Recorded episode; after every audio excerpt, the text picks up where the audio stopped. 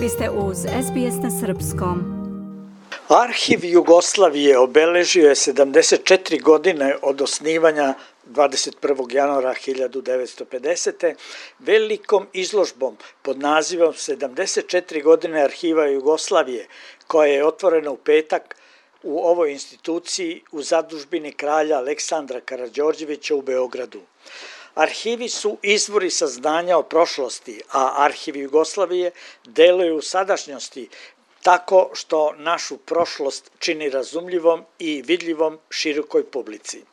Arhiv Jugoslavije se može pohvaliti da je 2023 u UNESCO-vu memoriju sveta ušla njihova zbirka dokumenta o prvoj konferenciji pokreta nesvrstanih u Beogradu 1961. godine.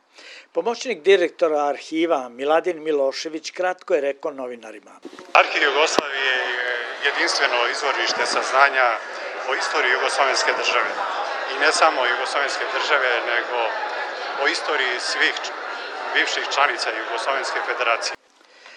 Dan arhiva uveličala je izložba autografa poznatih ličnosti koje su obeležile pojedina istorijska razdoblja.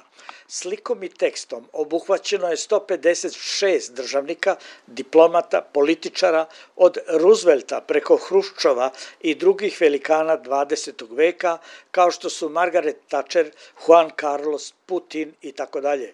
Tu su i Ataturk, Tito i predstavnici dinastije Karadžorđević, ali i Mussolini i Hitler.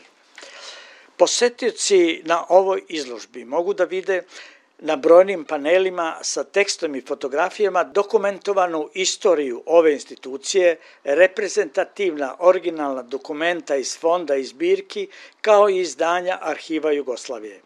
Izložba je podeljena na 12 celina, odnosno istorijat, zgrada arhiva, preuzimanje i smeštaj, čitaonica, biblioteka, laboratorija za konzervaciju i restauraciju, sređivanje i obrada arhivske građe, izdavačka delatnost, izložbena aktivnost, saradnja, digitalizacija i razvoj informacionih tehnologija. Postavka traje do 9. februara. Iz Beograda za SBS Hranislav Nikolić.